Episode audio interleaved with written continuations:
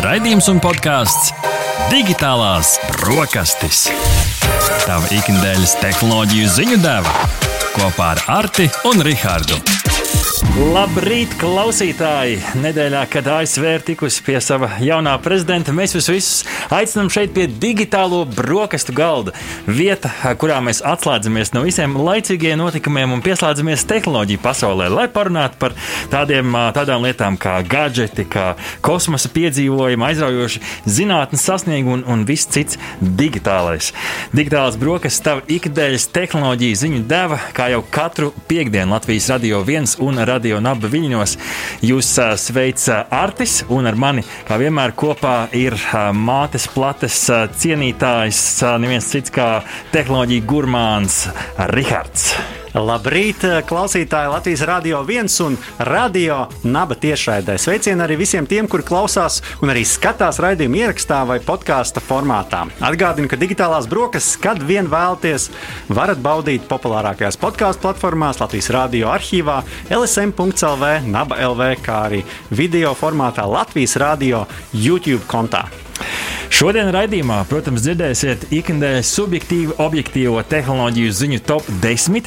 Un otrajā daļā mums ir superintervija ar veseliem diviem viesiem, ar kuriem mēs parunāsim par kiberdrošības pasauli. Un kas tad sagaidāms 2021. gadā? Mums sarunai pievienosies valsts prezidenta padomniece Ieva Ilvesa un IT drošības eksperts Kirillis Solovjovs. Tas būs otrajā daļā, bet, Rihard, laiks ķerties klāt galvenajam ēdienam.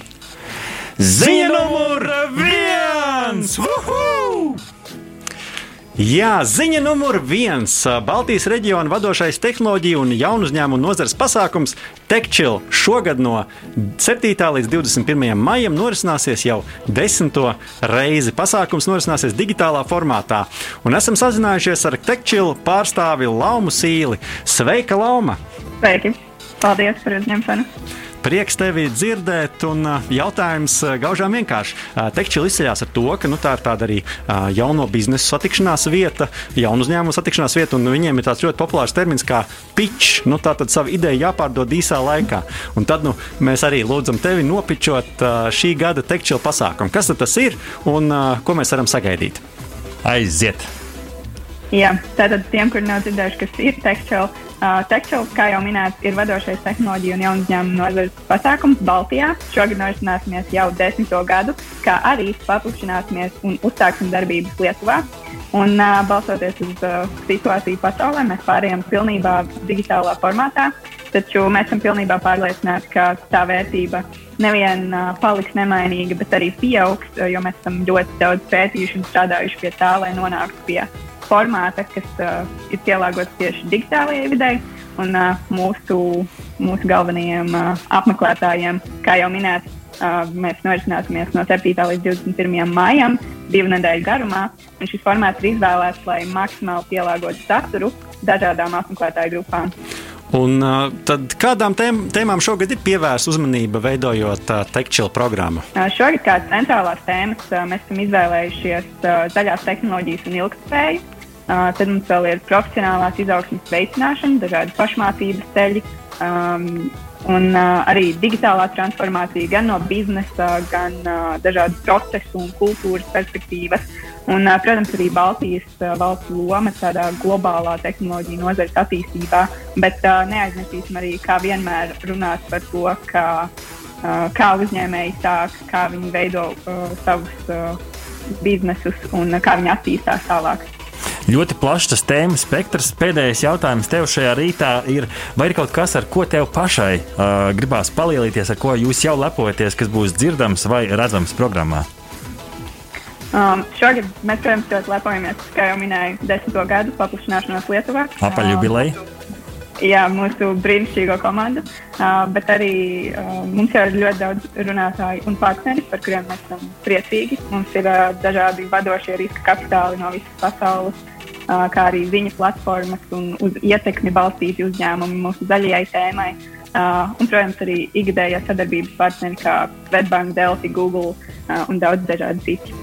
Burvīgi. Mēs jau pavisam drīz runāsim. Nu, redz, kā pavisam drīz jau arī Tekčils. Paldies, Lām, ka pieslēdzies mums šajā rītā veiksmi organizēšanā, un tad jau tiekamies visi šajā lielajā tehnoloģiju komunas pasākumā. Jā, veiksmi tiešām, lai izdodas lielisks pasākums. Paldies! Tev. Ziņa numur divi! Ziņa numur divi no Informācijas tehnoloģiju drošības incidentu novēršanas institūcijas. Skan tik nopietni, īsāk CERT LV. CERT LV eh, man šeit ļoti labi sajiet kopā ar mūsu šodienas raidījumu otro daļu. Vērš sabiedrības uzmanību uz maisienīcībā esošo viedo ierīču drošību. Jo tās redzeslokā esot eh, nonākusi informācija un eh, esot redzams, ka vairāk nekā tūkstoši individuālās apkūras iekārtas ar pieslēgumu internetam šobrīd ir ar ļoti zemu drošības līmeni. Dažādām maisaimniecības ierīcēm kļūstot modernākām un tiekot pievienotām internetam, protams, palielinās risks tām tikt uzlaustām virtuālajā vidē. Jo, ja mājās nu, parastam radiotoram tev kloķi var pagriezt tikai fiziski, tad šeit jau arī kāds otrā pasaules galā, protams, šī spēja regulēt darbību attālināti vietā, runī, kas, protams, ir ērti, reizē rada arī šo risku pret hakeriem un cert kā lielāko, starp citu, šo drošības risku. Un kas tad tad tiešām ir tas caurums. Izrādās, ir vecās labās paroles, jo vai nu tās nav uzliktas, vai arī ir kaut kāda uh, noklusētā parole, tur password 123, admin, admin, no, kā jau no, parasti no. tā. Uh, nu, Rihard, uh, kā tu vērtē šo, vai uh, šis varētu iezīmēt kaut kādu trendu Latvijā? Jā, nu noteikti lietu internets nav jauna lieta Latvijā arī, bet tomēr mums, kā ikdienas lietotājiem, tas ir salīdzinoši jauns fenomens. Tāpēc es domāju, ka katram no mums ar vienu iegādājoties jaunu sadzīves tehniku, iekārtojot un uzlabojot savu māju vietu ar dažādām viedām tehnoloģijām, noteikti ir vērts pievērst uzmanību arī drošības jautājumam, jo patiesi tajā brīdī, ja kāda ierīce ir pieslēgta internetam, tad nu, pastāv iespēja, ka ne tikai jūs attālināti varat šo ierīci kontrolēt kontrolēt, bet arī kāds cits. Tāpēc par drošību ir jāparūpējas. Un, un noteikti arī mūsu sarunā šī raidījuma otrajā pusē varbūt sniegs vēl kādu atbildi. Bet jā, esiet uzmanīgi. Ziņa numur trīs! Un ziņa numur trīs par uh, interneta lietošanas paradumiem Latvijā. Un izrādās, Latvijā 2020. gadā cilvēki visās vecuma kategorijās daudz biežāk pārlūkojuši internetu no mobiliem telefoniem. Mm. Datoru lietojums pieaudzis gados jaunākā un vecākā lietotāja grupā. Savukārt vidēji no visām ierīcēm mēnesī viens cilvēks internetu ir pārlūkojis 27 stundas, un martā šis rādītājs pieaudzis pat līdz 33 stundām. Caurmērā no gada uz gadu, sākot jau no 2008. gada, aug arī cilvēku grupas, kuru vecums ir virs 55 gadiem, lietotāju skaits, nu, kas lieto internetu.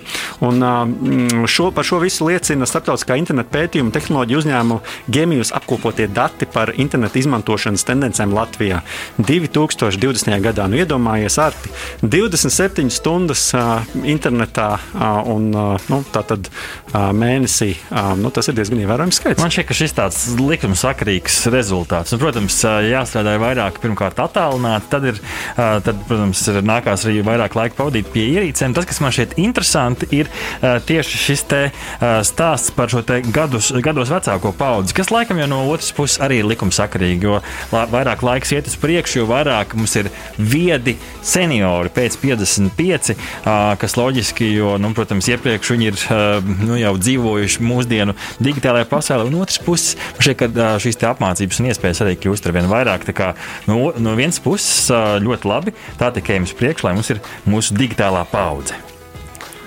Ziņa numur 4! Ziņa numur 4. Digitālajās brokastīs no Eiropas komisijas, kur ir piespriedusi sodus video spēļu izdevējiem 7,8 miljonu eiro apmērā par spēļu ģeobloķēšanu Eiropas Savienības valstīs. Valve, Capcom, Bandai Namco, Zenimax, Koch Media un Focus Home. Šīs visas ir uh, kompānijas, kuras ir uh, tikušas sodītas par dažādu datorspēļu ierobežošanu konkrētās lokācijās. Tā, tā ir tā ģeolokācija blo bloķēšana. Vairāk vairāk kā simts bloķēto spēļu skarto valsts sarakstā ierunājas arī starp citu Baltijas valsts, kā vēsta tekspot.com. Pēc uh, Margreitas uh, Vestageras, Eiropas komisijas viceprezidents konkurences politikas jautājumos teiktā, vairāk nekā 50% eiropiešu spēlē video spēles, kas ir interesants skaitlis, un video spēļu industrija Eiropā vien esot vērta vairāk nekā 17 miljārdus eiro. Vestigēra piebilda, ka šāda praksa liedz nu, šo kompāniju veiktā praksa liedz Eiropas patērētājiem iespēju izmantot Eiropas Savienības digitālā vienotā tirgus priekšrocību un iespēju tikt pie izdevīgākā piedāvājuma visa, visas Eiropas Savienības uh, robežās. Rihard, vai tu esi saskāries ar šo uh, problēmu, ka gribās kādu spēli, bet nav? Nu, ar spēlēm man nav sanācis tieši tādā veidā saskarties, bet jāatzīst, arī nesmu meklējis šo iespēju. Bet tas ir stāsts par to vienoto tirgu. Jo nu, tas nav tikai par tādu preču, ko mēs varam tā viegli iztēloties, brīvu kustību Eiropas Savienībā, bet tas tomēr ir arī par šo digitālo pakalpojumu pieejamību visās Eiropas Savienības valstīs līdzvērtīgi. Un tad, ja vienā valstī kaut kas ir bloķēts, bet citā pieejams, tas droši vien rada šo te, uh, nevienlīdzību. Un, uh, nu, kā saka, uh, Eiropas arī Savienība un Eiropas komisija kopīgi mēģina par šo rūpēties. Tā kā nu, tādā ziņā prieks. Iemetīsim āķīti nākamajā nedēļā, kad mēs parunāsim par video spēlēm. Tieši tad iespējams arī apvaicāsimies mūsu viesim tieši par šo tēmu. Tā kā to gaidiet jau nākamnedēļ. Ziņa numur 5. Un mēs turpinām ar ziņām no mūsu uh, Eiropas uh, parlamenta. Tātad Eiropas parlamenta deputāti prasa izveidot Eiropas Savienības mākslīgā intelekta tiesisko regulējumu, nosakot ētikas principus attiecībā uz militāro un civilo lietošanu. Par šo ziņo lepsaslatvija.com. Mākslīgais intelekts ir jāpakļauj cilvēku kontrolē, saglabājot iespēju labot tā pieņemtos lēmumus vai to atslēgt neparedzētas uzvedības gadījumā. Tā teikts Eiropas parlamenta 20. 20. janvārī pieņemtajā ziņojumā. Runājot par mākslīgā intelekta pielietojumu militārajā jomā, ziņojumā uzsvērts, ka cilvēkiem ir jāuzņemas atbildība un jābūt saucamiem pie atbildības par šo sistēmu izmantošanu. Deputāti arī atkārtot aicinājuši izstrādāt šādu sistēmu izmantošanas stratēģiju, lai tai skaitā aizliegtu arī tās augtos robotus slepkavos. Tā kā tādi mums, tādi mums nedraud. Tas ir, tas ir ļoti labi. Mākslīgā intelekta sistēma izmantošanai publiskajā sektora pakalpojumos, īpaši veselības aprūpē, un tiesu sistēmā nevajadzētu aizstāt cilvēku saskarsmi, izslēgt šo piekļuvi amatpersonai vai radīt diskrimināciju. Cilvēki vienmēr ir jāinformē, ja viņu lietā lēmumu ir pieņēmis mākslīgais mm -hmm. intelekts un jādod iespēja šo lēmumu apstrīdēt.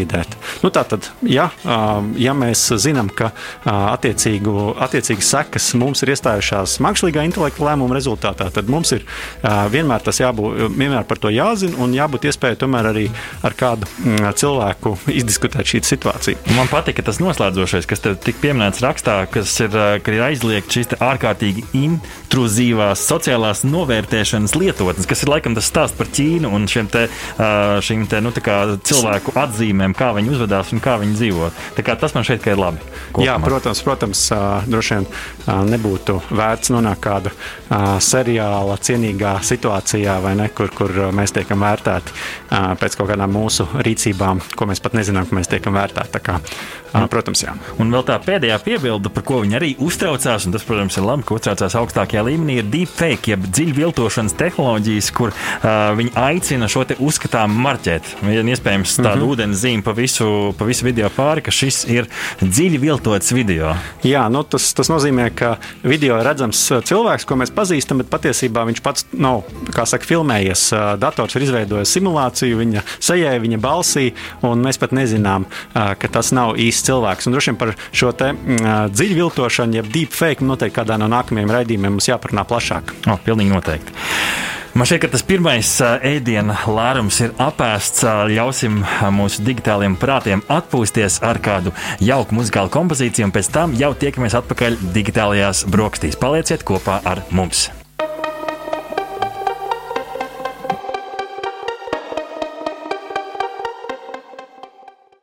Sveicināti atpakaļ digitālajās brokastīs. Mēs turpinām tehnoloģiju ziņu topu ar ziņu numuru 6.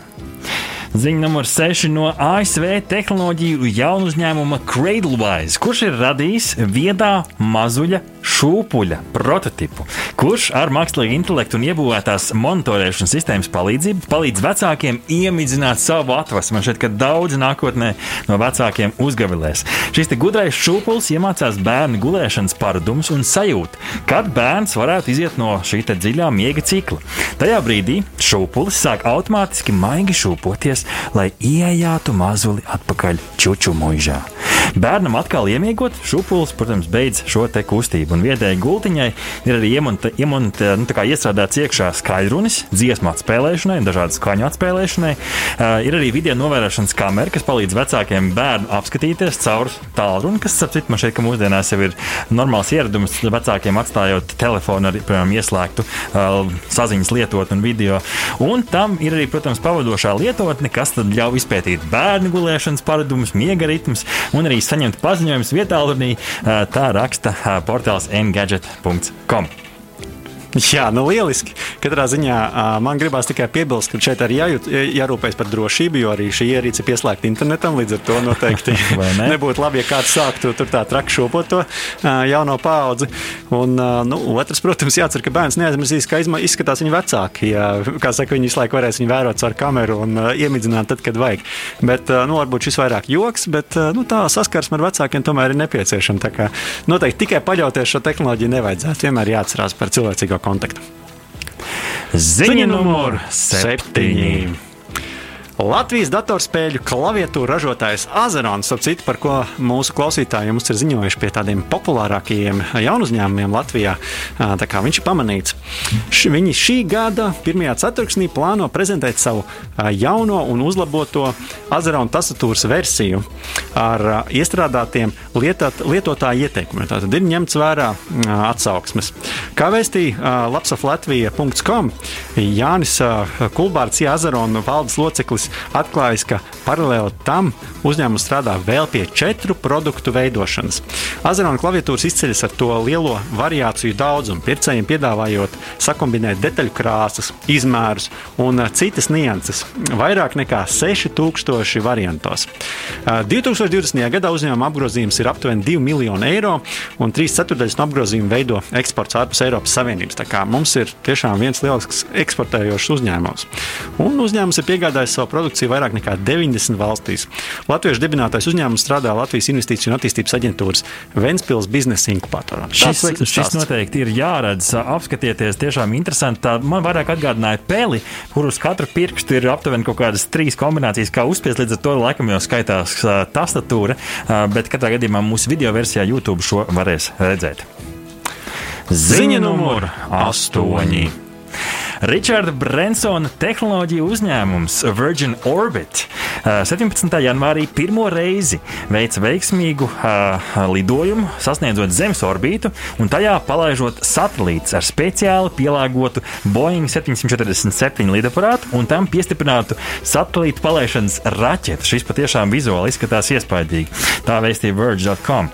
Atšķirībā no Elona Maska SpaceX šeit tiek izmantot nedaudz citādāka pieeja satelītu palaišanai. To sākumā paceļot ar lidmašīnu līdz aptuveni 10 uh, tūkstošu, līdz, līdz 10 km augstumam, un tad tālāk šī raķete tiek palaista no lidmašīnas atdaloties, un jau tālāk nes šos mazos satelītus uz kosmosu. Šāda, šādā pieejamā, protams, nav nepieciešama šī lielā raķete, kas veic sākotnējo pacelšanos no Zemes.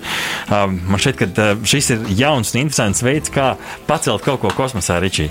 Nu, es no savas puses tikai gribu piebilst to, ka, ja mēs pēdējos mēnešos un arī pēdējā gada laikā ļoti bieži, bieži dzirdējām Elona Maska vārdu un SpaceX, tad es teiktu, varbūt pat beidzot atkal ziņu virsrakstos vairāk parādās šis Virgin Orbit un Richarda Bransona vārds. Līdz ar to nu, privātais sektors arvien vairāk ienāk šajā kosmosa industrijā, un šis tikai vēl viens apliecinājums tam. Viņi šādā veidā, Rihard, cenšas iegūt to mazo tirgus daļu ar mazajiem satelītiem, tāpēc šeit šī pacelšanās metode patiešām ir efektīva.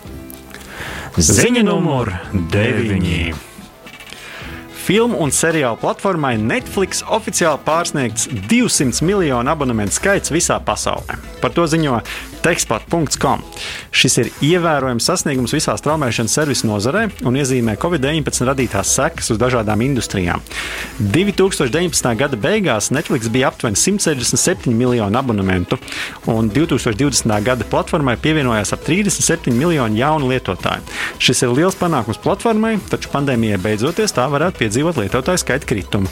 Atkal atveroties kinoteātriem un citām reālās pasaules izklaides iespējām. Nu, re, ar to arī vai tu arī esi uh, klients un, kurš tad un nav? tu to Kurš vērtē? tad nav? Nu, kopumā jau laikam loģiski. Nu, tu mājās tev ir televizors, kas iespējams garlaicīgākā sapulcē pēkšņi ieslēdzās. Tur aiziet kaut kas no kādas no šīs vai no citas straumēšanas platformas, kas mums Latvijā ir pieejams.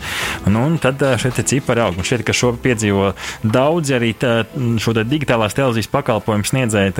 Būs interesanti pasakot līdzi, kas notiek pēc pandēmijas Jā, beigām. un droši vien ir interesanti pasakot, kas notiks ar Latvijas straumēšanas šīm te, uh, platformām. Tā kā nu, veik, mēs vēlamies veiksmi, protams, visiem. Ziņa numur desmit. Saziņas platforma Signal aizdītajā nedēļā piedzīvoja ievērojumu 24 stundu darbības pārāvumu, kā ziņot Verge.com. Savukārt, kā vēsta Sinat.com, sociālais tīkls Parler ir izrādījis dzīvības pazīmes, tiekot atjaunotai pagaidu paziņojumu lapai adresē parler.com.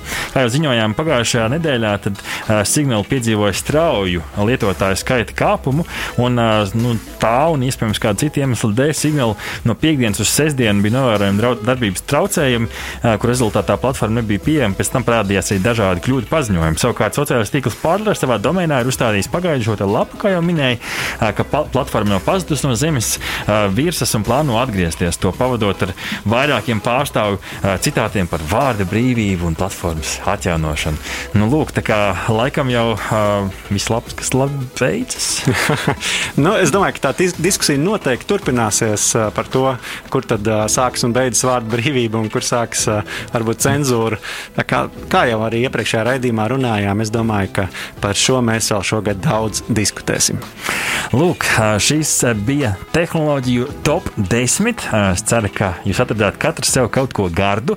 Un, ja nē, tad pēc neilga mirkļa jau mums pievienosies divi cilvēki mūsu virtuālajā digitālo brokastu studijā un parunāsim par kiberdrošības jautājumiem šajā gadā Latvijā un pasaulē. Palieciet kopā ar mums. Tagad neliela muzikāla pauze.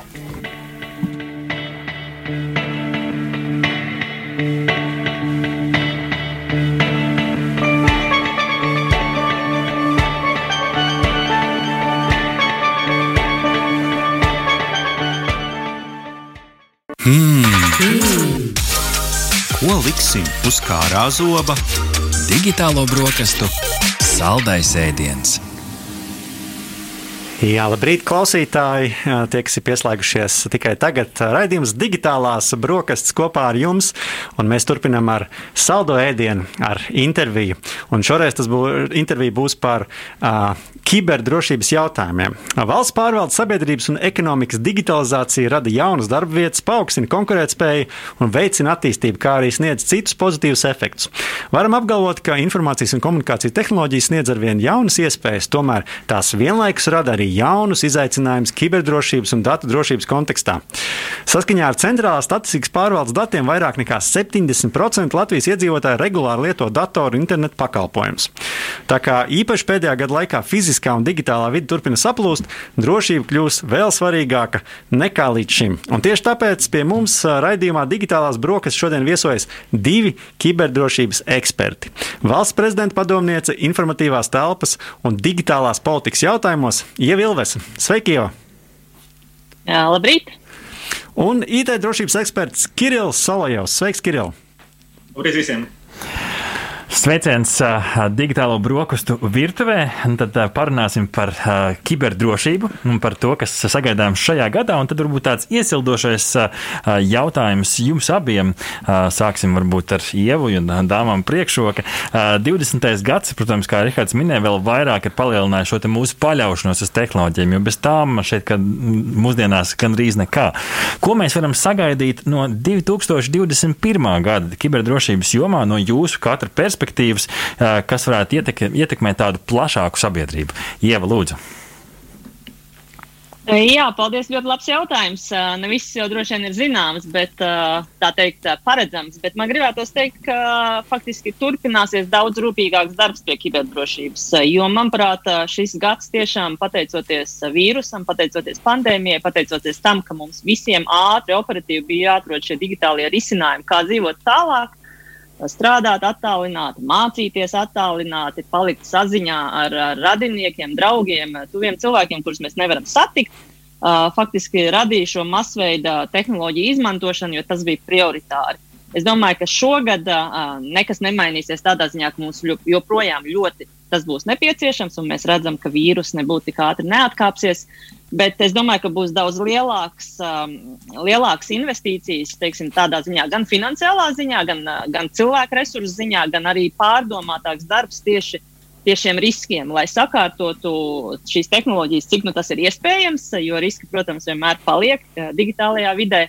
Uh, es sagaidu, es sagaidu, es es ļoti ceru, ka šajā gadā notiks daudz uh, apjomīgāks darbs tieši šajā, uh, šajā aspektā, lai saglabātu šo attālināto darbu, saziņu, bet tieši risināt arī drošības tēmu. Uh mhm. -huh. Kiril, kā tev 21. gads ir iezīmējies jau šobrīd kiberdrošības tēmā? Iesācies gads, gads ir ļoti labi un, un, un interesanti strādājot teiksim, privātajā sektorā kiberdrošības jautājumiem. Uh, Jāsaka, ka, ka klasiski teiksim, lielākā interese un lielākā slodze līdz ar to arī maniem darbiniekiem ir sākot ar oktobri, kas ir tradicionāli uzskatīts par Eiropas kiberdrošības mēnesi. Un tad decembrī principā, pēdējās astes tiek pabeigts, un tad janvāris, februāris ir, ir, ir tādi klusie mēneši.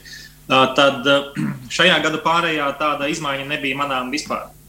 Kā, kā viss sākās kaut kad, kaut kad vasaras otrajā pusē, tā tas turpinās, turpinās joprojām visiem.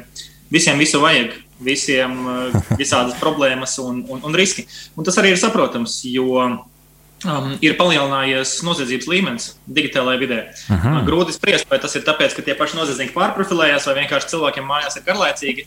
Uh, bet nu, kibernozieguma tā ir tāda lieta, ko var darīt neizējot no mājas. Tas nav kaut kas, ko es rekomendēju darīt pandēmijas laikā vai, vai citā laikā. Bet, uh, bet nu, tam noteikti ir, ir um, savi iemesli, kāpēc, kāpēc noziedznieki izvēlas profilēties šajos kibernoziegumos un vairāk, vairāk orientēties uz to. No otras puses, arī lietotāji, protams, lietotāji arī daudz vairāk laika pavada pie datora, izmanto digitālo tehnoloģijas. Tas nozīmē, ka nu, tā, tā potenciālā uzmanība, uzmanības daudzums, ko noziedznieks var piesaistīt savām aktivitātēm, klikšķināt uz, uz kaut kādiem viltotiem e-pastiem, vērt vaļā sliktas lapas, sūtīt kaut kādu ļaunu tur iekšā. Nu, arī, arī tur parādās lielāka iespēja. Tā kā viennozīmīgi tas, ka gan godīgie cilvēki, gan kibernoziedznieki sāk izmantot jau 20. gadā. Uh, vairāk uh, šīs tehnoloģijas, nu, tam ir negatīva tendence, negatīva ietekme uz kiberdrošību. Uh, un 21. gadā, gluži kā Ieva teica, es pievienojos, nu, tas nemainīsies. Ieva gan vairāk um, iezīmēja pozitīvos, pozitīvos aspektus, bet kiberdrošībā mēs parasti runājam par riskiem, un, un nu, negatīvi aspekti arī, diemžēl, kopā ar visu labo, kas mums nāk ar attālināto darbu un virtualizāciju un visām šīm lieliskajām iespējām um, beidzot ir normalizēts attālinātais darbs, un nevar var, var satikties tikpat labi ar saviem kolēģiem, kā ar cilvēkiem otrā Eiropas malā uh, virtuāli, tas tagad ir pilnīgi normāli. Protams, daudzi arī es savā ziņā gribētu no tā mm, atteikties beidzot un satikties klātienē. Kiril, tev kā nu, arī uzņēmuma veidotājiem, kurš palīdz gan uzņēmumiem, gan iestādēm ar kiberdrošības riskiem, nu, ir skaidrs, ka pēdējā gada laikā nu, visi bija spiesti pārcelt savus pakalpojumus nu, tādā digitālajā vidē. Gan privātais sektors, gan valsts sektors. Tāpat arī, nu, ja ne pakalpojumi, tad darbinieki pārcēlās digitālajā vidē daudz vairāk. Kas, kas var būt tas, eh, tas, ka šobrīd es sadzirdu, ka gan uzņēmēji, gan arī valsts pārvalde daudz vairāk pievērš šiem kiberdrošības jautājumiem, jo saprotu, ka tā ir ļoti svarīga daļa no viņa ikdienas. Kāds ietekmēs gan pakalpojumu saņēmējus, gan arī nu, darbinieku šiem uzņēmumiem? Tas, ka nu, vadība un arī šajos pakalpojumos tiek vairāk iestrādāti šie te, kiberdrošības vai ņemt vērā šie kiberdrošības riski. Nu, viss, ir atkarīgs, viss ir atkarīgs, protams, no, no tā, kā tas viss notiks tajā brīdī, kad papīri būs nolikti malā un ka tas viss būs reāli jārealizē. Papīra līmenī viss izskatās smuki, vienādi un homogēni, bet, bet nu, viss ir atkarīgs no konkrētiem darbiniekiem, konkrētajiem mācību spēkiem, kas arī apmācīs teiksim, šos darbiniekus. Bet nu, kaut kādos gadījumos, diemžēl, mēs redzēsim, ka, ka droši vien cilvēki pret to attieksies kā kārtējo oficiāla apmācība. Tur, pat citās darbvietās māca, kā, kā pareizi krāsā sēdēt, kā neievērt pirkstus kaut kādā gaterī un tā tālāk. Nu, kārtēja apmācība. Ja. Varbūt tā. Bet es ceru, es ceru, ka tiem, kas to īstenos, jo teiksim, nu, nav jau tā, ka kaut kas ir mainījies uh, formāli 21. gadā.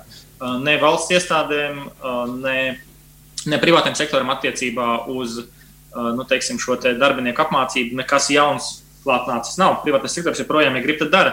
Bet pilnīgi pareizi, Rihards. Es domāju, ka, ka, ka ietekme būs un tā ietekme būs, būs tieši šī apmācība formā.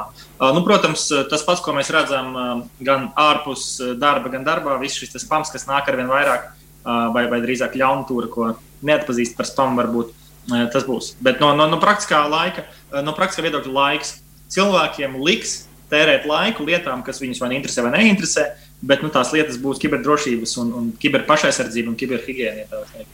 Ja jau ar vienu nenopietnu jautājumu, vai viņa ekscelence, prezidenta kungs Egils Levits pats maina savas paroles, vai to viņam izdara speciālisti? Uh, Es, to, es uz to nevarētu godīgi atbildēt, jo tas noteikti nebūtu man jāzina. ļoti labi. Ļoti labi atbildēt. Bet, ja mēs tā nopietni. Esmu pilnīgi no... pārliecināta, ka viņš to dara pats. Ļoti labi. Ņemsim, ņemsim piemēru, mainīsim paroles. Tas noteikti ir viens no higiēnas aspektiem. Bet, ja mēs runājam nopietni, tad no valsts skatu punkta, kā šīs pārmaiņas tajā, kā cilvēki strādā un pārvietojas, un vairāk ir šajā digitālajā vidē, kādas pārmaiņas tas no, no tavu, no valsts skatu punkta ir ieviesis nu, aizvadītajā gadā un kas varbūt iezīmējās uz priekšu kā tādas prioritātes kiberdrošībā? Uh, nu, nekas jauns. Viss jau ir tas pats, uh, spēkā ir tas pats, kā jau arī Kirillis minēja, tas pats, uh, kas ir bijis iepriekš, tikai iespējams mm. lielākos apmēros. Un, un uh, man liekas, ka uh, prioritāri uh, ir tādi, es neteiktu, varbūt mīti, bet teiksim, divi aspekti, kur no vienas ir laužams, man liekas, un šī sajūta, ka uh, tas, kas var būt drošs, nevar būt ērts, vai tā teikt, ka mums ir jāizvēlās starp mm -hmm. to, vai mhm. tas ir ērti un droši. Es domāju, ka mums šobrīd ir pietiekoši daudz prasmes un arī tehnisko risinājumu, kā savietot gan to, lai tas ir ērti un lai tas ir droši. Un, un mēs varam šos riskus tiešām izvērtēt. Es domāju, ka tas ir tas, kā, no kā nav jāvairās, bet gluži otrādi, tiešām uz ko ir jāfokusējas. Un, un otrs, ka ir jāsaprot, ka tas maksā. Un man liekas, ka tā, tā sajūta, ka drošība ir kaut kas tāds, ko var vienkārši klāt, pielikt, piemācīties un, un gan jau kaut kā izsprukt sveikā cauri, man liekas, ka to vajadzētu atmest un vajadzētu tiešām arī uh, fokusēties uz to, ka ir jāinvestē. Es domāju, tas attiecās tikpat daudz, cik uz valsti, tik uz katru uzņēmēju ņemt to vērā, kad lai būtu šie, šī ērtība un drošība savienojama ar to rezultātu, ko, ko, ko, ko sniedzat, vai tas ir pakalpojums vai produkts, ka tam ir jāatvēl tiešām arī godīgi investīcijas. Jā, tā jau bieži vien ir, ka kamēr nav noticis tas ļaunākais, cilvēki nemaz nenovērtē uh, to investīciju. Tā kā, uh, tā kā tas noteikti ir ļoti, ļoti vērtīgs ieteikums. Vēl viena lieta, kas netika viennozīmīgi vērtēta mūsu sabiedrībā, uh, bija lietotne Covid-19. Uh, nu, apturi Covid. Aptu, jā, es atvainojos, apturi Covid. Un, uh, nu, Latvija un pasaul, Latvijā un pasaulē šīs pandēmijas iespējā tika izstrādātas nu, dažādas lietotnes, lai, lai uh, palīdzētu mazināt Covid-19 izplatības riskus. Un, kā, jau, kā jau mēs iepriekš arī mūsu raidījumā esam ziņojuši par šo lietotni, kas palīdz cīnīties ar, ar šīm pandēmijas sekām, kādas ir galvenās atziņas jau par šo lietotņu drošību un kādu to attīstību varam sagaidīt šajā gadā? Jā, man ir bijis liels prieks tiešām arī strādāt faktiski komandā un palīdzēt šim darbam, gan teikt, no sava galā idejai, gan attīstīties, gan realizēties. Un es gribu teikt, ka noteikti ir atziņas par tām, jau es faktiski biju uzrakstījis arī rakstu starptautiskā mhm. presē. Un ir daudz atziņas. Man viennozīmīgi ir skaidrs, to es varu vēlreiz apliecināt, tiešām šī lietotne ir droša un uzticama, un viņa nekādā gadā, gadījumā nekompromitē privātumu. No otras puses, es gribētu teikt, ka šī, šis, šī lietotne bija tāds labs tests, tāds labs lakmus tests, teiksim, sabiedrības vispār sadarbībai ar sabiedrību un izpratnē par privātumu un arī par šo mītu, aptīto kiberdrošību, kā vispār šo privātumu cilvēks var saprast, izvērtēt un, un teiksim, izve, izdarīt šo izvēli. Un man liekas, ka šī lietotne atvēra tādu labu diskusiju, faktiski arī pašai man sev, un es domāju, arī kolēģiem, komandā un valsts iestādē par to, kā mēs spējam gan pastāstīt saprotamā veidā, kas ir šis privātums, kā mēs arī spējam sabiedrībā iekšēji vienoties, teiksim, kur ir tie dati, kas ir kritiski nepieciešami, lai mūsu veselības situācija uzlabotos, lai spētu atrast piemērotas metodas, kā ar šo vīrusu cīnīties. Kā šo datus ir iespējams teiksim, nodot anonīmi, kas nav nekādā veidā neapdraud to, šo privātumu? Man liekas, ka šī ir diskusija, kas ir ļoti svarīga. Man ir, man ir prieks, ka šī diskusija ir aizsākusies. Varbūt ne gluži tāpēc, ka tas nav prieks par to, ka šādā, teiksim, varbūt pat dzīvībai kritiskā uh, mirklī, bet par to, tas, ka par to tiek runāts un tiek meklēta risinājuma, manuprāt, tas ir izcili un tas ir ļoti vajadzīgi. Un tas, ka privātās kompānijas bieži vien to var paslēpt zem daudziem teiksim, līguma punktiem, kurus neviens nekad nelasa piekrītot lietot, lietotni. Ja.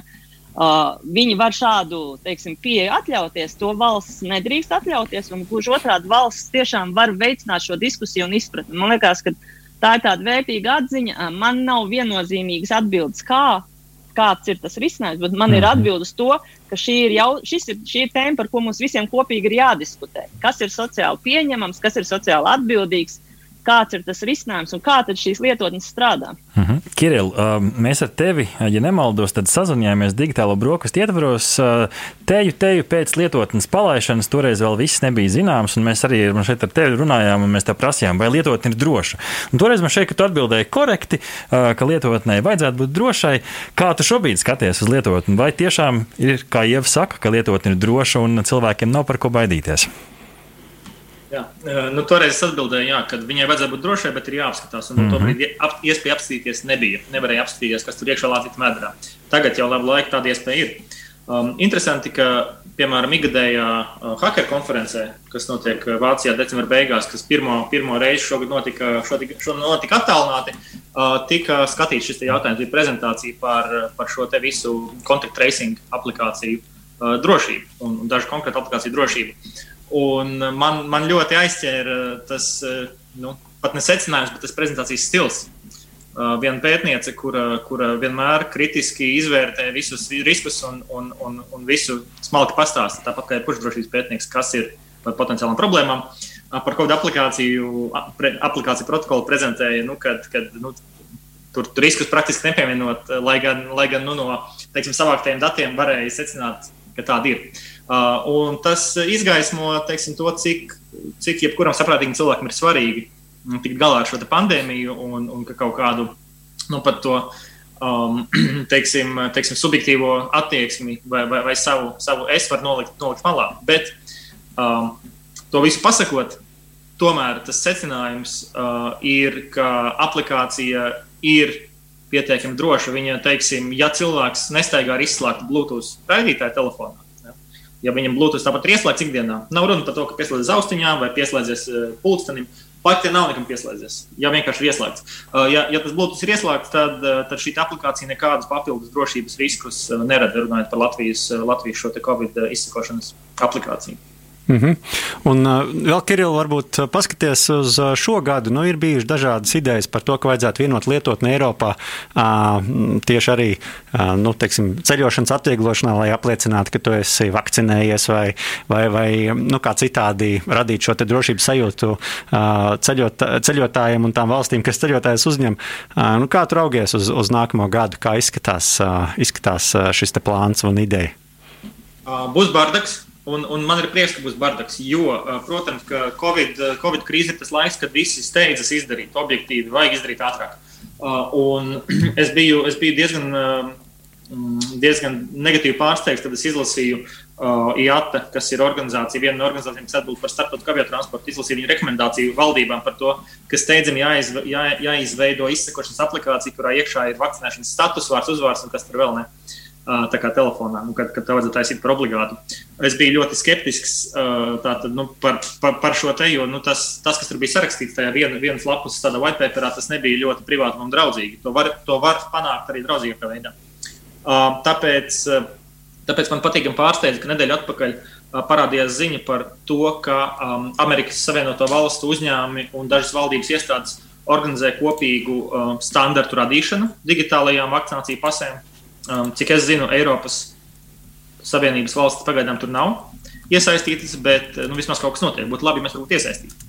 Uh, līdz ar to, pēc tam, kad es dažas dienas vēlāk, un tas viss notika burtiski pēdējās nedēļas laikā, uh, kad dažas dienas vēlāk es uzzināju ziņu, ka IATA savu lielisko aplikāciju ir uztaisījusi, palaidusi, un uh, Emirates aviolīnijai uh, viņa jau ir obligāti noteiktos maršrutos. Tad es to vairs neskatījos tik, tik nervozi. Jo, jo es saprotu, ka, nu, ja es pieķeries pie, pie sava standarta, tur būs kaut kas, un standarts būs atvērts un drošs. Redzēsim, kā es parasti saku, uh mhm. -huh. bet cerība ir. Uh -huh. Ieva, kā tu vērtē šo te, uh, ideju par digitālajām vakcinācijas uh, pasēm? Uh, kā, kā tev izskatās, cik tas ir reāli arī ieviešams uh, šeit Latvijā un Eiropā? Uh mhm. -huh. Jā, nu, mums noteikti būs jābūt piesardzīgiem par to, kā mēs šķirojam un dalām sabiedrību. Un, un, protams, ka tur ir ļoti daudz nianses, un man ir prieks, domāju, ka kā reiz atkal, ja Kirillis uzsvēra šo Amerikas un drošības standartu izstrādi, varbūt pozitīvo ziņu, es gribētu arī uzsvērt, teiksim, tās Eiropas diskusijas un pozitīvo ziņu. Teiksim, domāt par tiem cilvēkiem, sabiedrību kopumā, ja, gan par tām grupām, kas varbūt ir uh, nav ieinteresētas, varbūt kurām objektīvi nav iespējams vakcinēties, vai, vai ir veselības stāvokļi. Respektīvi, tā sabiedrības šķirošana, protams, būs sensitīvs jautājums, bet es piekrītu, ka uzticams, drošs risinājums, balstīts drošos standartos, palīdzēs katram no mums, ja mēs nonākam citā valstī, ja mēs esam kaut kur aizbraukuši, mums ir kāds medicīnas problēmas. Nu, kādu papīrīti man izņemt, lai es parādītu slimnīcā, kad man ir šī vakcīna, vai teiksim, tā, tā skaidrs, ka veselības tālākajā aprūpē tas spēlēs ļoti lielu ļoti liela nozīme. Līdz ar to man, man grūti šobrīd tā viennozīmīgi teikt, kā šo jautājumu labāk sakārtot teiksim, ceļošanā un tieši konkrēti runājot par aviolīnijām, bet es domāju, ka tādā kopumā, zinot, cik mēs visi esam nu, globalizēti un cik mēs ceļojam un, un strādājam un slimojam, un mums, ar mums notiek gan labas, gan sliktas lietas ne savā valstī. Es domāju, ka tas ir svarīgs, svarīgs elements, kas būs nepieciešams.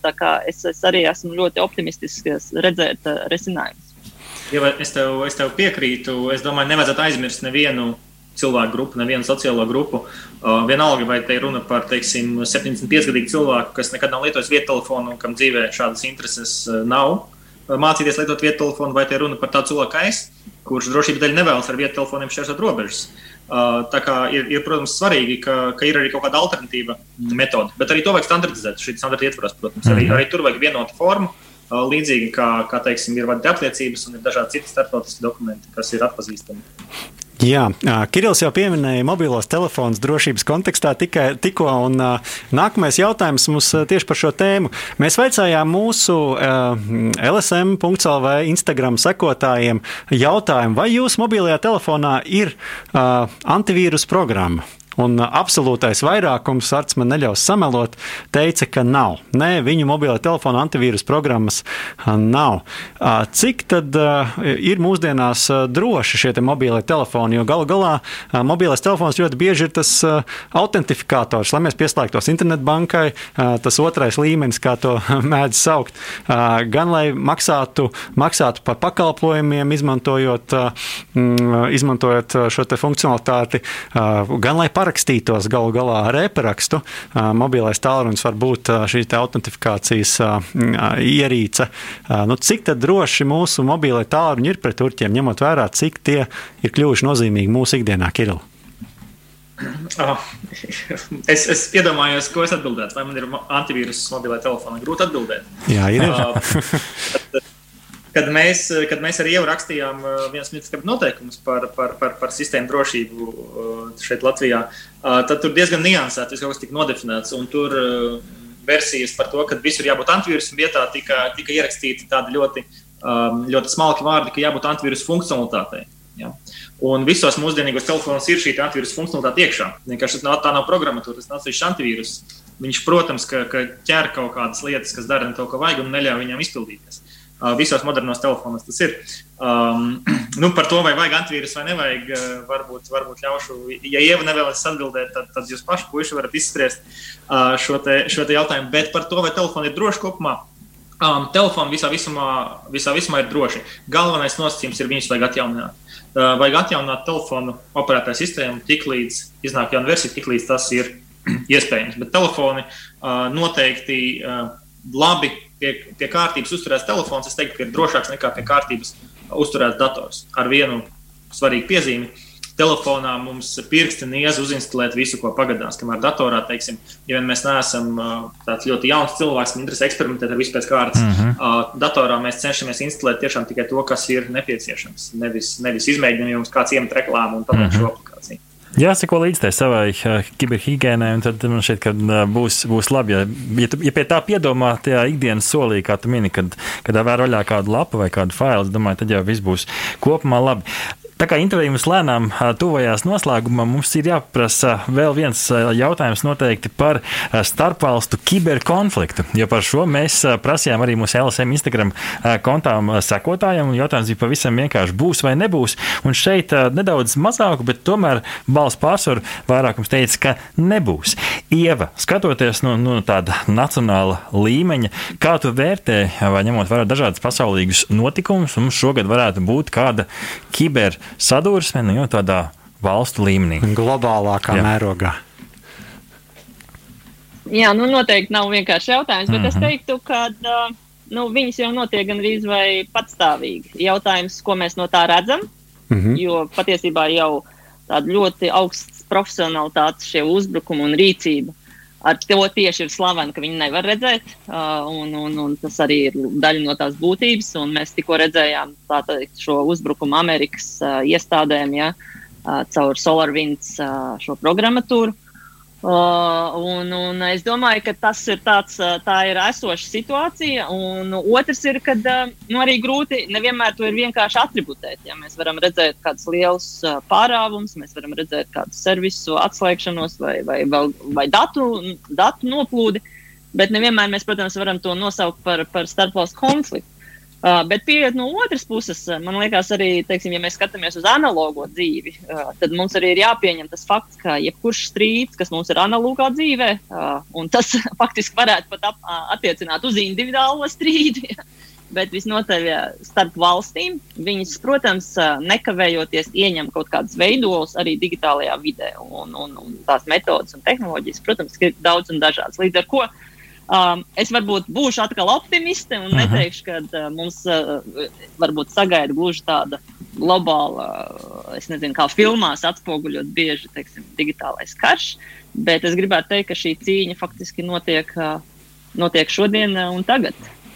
Jā, nu, var sakot, mums kā sabiedrībai jāsako līdzi arī, un galvenais jārūpējas pašiem par savu drošību, un tad jau mēs ticam, ka arī valsts parūpēsies par mūsu kopīgo, tā skaitā, kiberdrošību.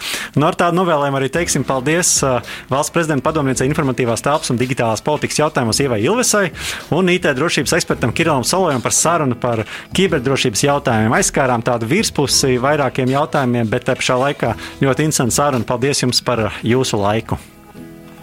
Tā, Paldies jums par uzaicinājumu. Jā. Paldies. Paldies jums. Dārgie klausītāji un skatītāji, ja jums patika šis redzējums, tad podkāstu digitālas brokastis iepriekšējās un šī esošā epizode jūs tās varat meklēt populārākajās podkāstu platformās. Esiet kopā ar mums arī nākamā piekdiena, kad, kā ierasts, iepazīstināsim jūs ar tehnoloģiju jaunumiem, kā arī intervijā ar tehnoloģiju blogeri Lauri Aboliņu. Ieskatīsimies šī gada gaidītākajās video spēlēs un šobrīd populārāko spēļu topā. Mūzikas redaktors Dzirds Bišs, pie režijas pults Arnolds Auziņš, raidījumu veidoja radio naba autori Arts Ozoliņš un Rihards Blese, speciāli Latvijas Radio 1. Uz tikšanos nākamajā piekdienā! Tu klausījies Digitālās brokastis. Katru piekdienu no 10 līdz 11. Arī podkāstu formātā, populārākajās platformās. Digitālās brokastis. Tava ikdienas tehnoloģiju ziņu deva.